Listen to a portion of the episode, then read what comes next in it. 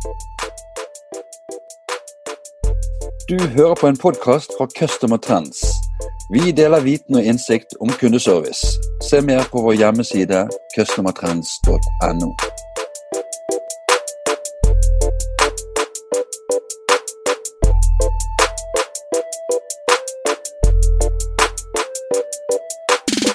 Hei og velkommen til en ny kundeservice-podkast. Mitt navn er Bjarte Lysand fra Customer Trends. Dagens tema er robot som besvarer e-post. Og Det er en glede for meg å ønske velkommen til dagens gjest, direktør Ole Kristian Haug fra Knowit Insight. Velkommen, Ole Kristian. Tusen takk. Takk for det. Hvordan står det til med deg i dag? Nei, Det står bra til. Nå det begynner å bli litt lyst ute, så det er eh, deilig å se ut og, og se solen for første gang på lenge. Og, og litt grann snø, så det er ikke noe man kan klage på. Skulle vi starte med at du fortalte litt om deg selv, Ole Kristian, og om uh, Knowit? Det, det, kan jeg absolutt, uh, absolutt, gjøre. Jeg er konsulent i et selskap som heter Knowit Insight. og jeg har vært konsulent hele veien. Uh, erfaring fra bank og finans uh, som en del av uh, Team Accenture. Og jobbet en del i en del år i Deloitte, hvor jeg var med på å starte deres automasjonsreise med to andre partnere der. Og, og hadde ingen, ingen, planer om å, å slutte i de, Deloitte, men så var det en som heter Christian Hartmann, min nåværende sjef, som ringte. Han hadde vært med Eh, og reist Ernst Young en gang i, i tiden, har vært partner der i mange år. Som skulle starte en, eh, et alternativ til eh, de internasjonale management consulting-selskapene i norsk drakt i Knowit. Og selskapet skulle hete Knowit Insight. Og det var såpass spennende at jeg sa ja til å bli med på den reisen.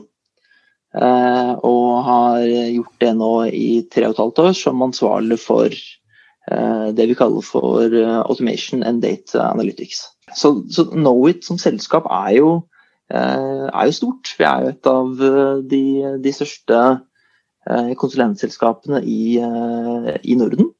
Nå med oppkjøpet av Kruna så nærmer vi oss en, en 3000 ansatte. Og, og fokuset til Knowit nå med Knowit Insight er jo tredelt. Så før vi etablerte Knowit, uh, Knowit Insight, så hadde du også et ben som er måte DNA til Knowit, som heter Knowit Solutions. Uh, Røftlig halvparten av de ansatte. Og det er utviklerne. De som liker å bygge nye løsninger. Så det er Knowit Solutions. Og så har du et ben og en satsing som heter Knowit Experience, som nå med oppkjøpet av Kruna har befestet sin posisjon som det største kommunikasjons- og designbyrået i Norden. Eh, med en, eh, en 1200-1300 ansatte. Eh, så det er, det er, de du går til hvis du ønsker noe kreativ sparring, tjenestedesign, det å kunne finne ut av kundereise på nett osv. osv. Og så er det Novit Inset som er det siste, siste benet som jeg, jeg startet sammen med, med, Christian Hartmann og, og flere for, for tre og et halvt år siden. Så det er kort og godt om min bakgrunn. Og Knowit Insight, hva, hva tjenester er det dere leverer? Hva er det dere kan hjelpe med? Så uh, vi er et management consulting-byrå uh, uh, på lik linje med de selskapene jeg har tidligere arbeidet i, som, som Accenture og, og, og Deloitte og, og, lignende. Men vi er jo naturlig nok mye mindre. Så måten vi har løst det på, er å hente erfarne fjellfolk som har jobbet i, eh, i consulting. Eh, og, og, gjort det i, eh, i, i noen år. og sammen med søster, søsterselskapene våre da, i, i Knowit Experience og, og Knowit Solutions så hjelper vi ledere med å dra effekt ut av, av de prosjekt som, som leveres. Så vi, vi jobber typisk på, på CXO-nivå med å, å råde ledere om de problemstillingene som, som de har i sin hverdag.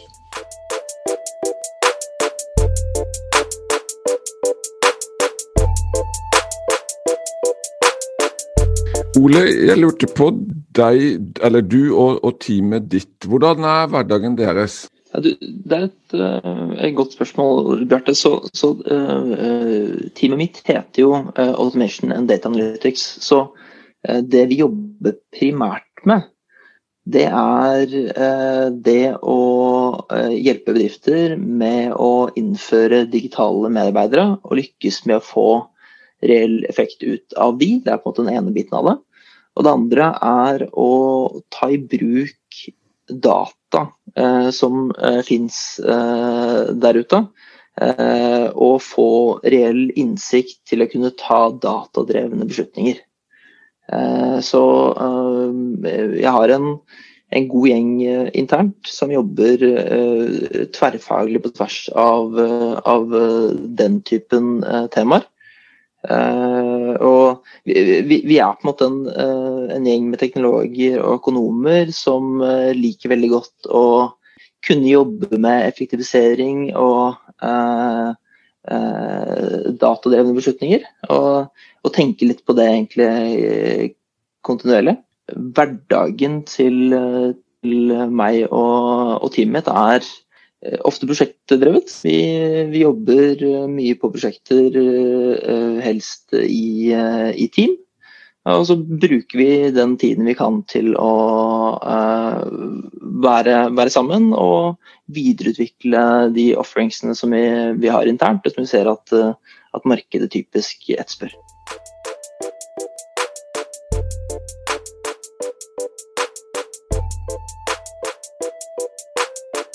Ole, vi skal snakke om eh, e-post. Eh, og eh, alle som har jobbet i, i kundeservice, har vært borti e-post. Og det er altså en, en, kjent og kjær kommunikasjonskanal med en del effektivitetsutfordringer knyttet til seg. Kunne vi starte med å og, og, snakke litt om e-post, og hvorfor e-post er så populært Eh, hos kundene?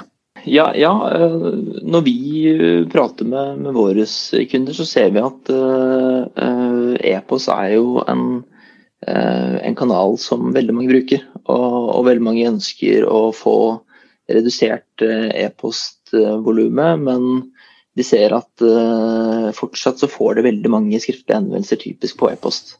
Og, og, og, hvorfor er det sånn? Jo, Eh, det er en veldig enkel måte å komme i kontakt med eh, eh, selskapet på. Så det er jo super convenient. Det å måtte vente i kø på chat eller vente i kø på telefon versus det å bare sende av gårde en liten melding mens man sitter på bussen, på en måte. Det er, det er enkelt, da. Så jeg, eh, jeg tror eh, enkelhet er, eh, er, grunnen til at det er så populært for, for kundene. Samtidig så er det jo en, en, en dyr kanal å betjene for, for selskap. Så det har vært, sånn, det har vært en mismatch da, mellom det kundene ønsker og det, det, det selskapene ser at det er, er, er optimalt. Og hvorfor har e-post alltid vært en utfordring for, eh, for kundeservice? Det, det, er flere gode eh, svar på det, på det spørsmålet, men, men, en av de tingene som, eh, som, man absolutt ser, er jo at det er en veldig kostnadsmessig kanal å skulle nå sine kunder på, eller kommunisere med sine kunder. Fra våre erfaringer så koster det skulle svare på en e-post typisk mellom 50 til 100 kroner, og det tar, det tar, tid. Eh, det er ikke gitt at du klarer å svare ut eksakt det eh, kunden ønsker, og kunden kan svare igjen eh, om, om ganske lang, lang, tid, og så blir det veldig sånn oppstykket og delt. Så, så, det at det er dyrt og du ikke vet at du får svart kunden der og da, er jo, og ikke løst saken, har vært, vært krevende, tror jeg. Hva tenker du om, om eh, selskaper som, eh, som gjemmer e-postadressen til, til, kundeservice for å på den måten tvinge kundene over på i andre, mer effektive kanaler? Nei, jeg tror det er um, ikke en optimal uh, strategi. Det å fokusere på selvbetjening er jo veldig bra. Men det å skulle kunne tilby chat og e-post og telefoni hvis kunden ønsker det, er en anbefaling som, som jeg, jeg kommer med. Men det at man typisk ønsker å fjerne e-post, er jo Um, er jo kostnadsspørsmål ofte. Det å kunne bare kvitte seg med innkommende e-post fullstendig er mye, mye billigere. Uh, men da er, det, da er, det, andre teknologiske løsninger der ute som, som, er med på å kunne løse opp det på en god måte. Ja, og det er jo eh, litt av årsaken til at vi, vi sitter her i dag. For, fordi du har en, en, løsning på disse utfordringene med effektivitet for kundeservice. Uh, hva er den løsningen? Dette var bare en liten smakebit av denne podkasten. For å høre hele episoden må du bli abonnent hos Customer Trends. Som abonnent får du tilgang til viten og innsikt om kundeservice i form av podkaster med spennende gjester, artikler med aktuelle tema og analyser hvor vi går i dybden i de sakene som er viktige for deg. Alt det vi har laget er tilgjengelig for deg når du måtte ønske. Vi fyller jevnlig på med nytt spennende innhold. Registrer deg som abonnent nå og få tilgang med det samme.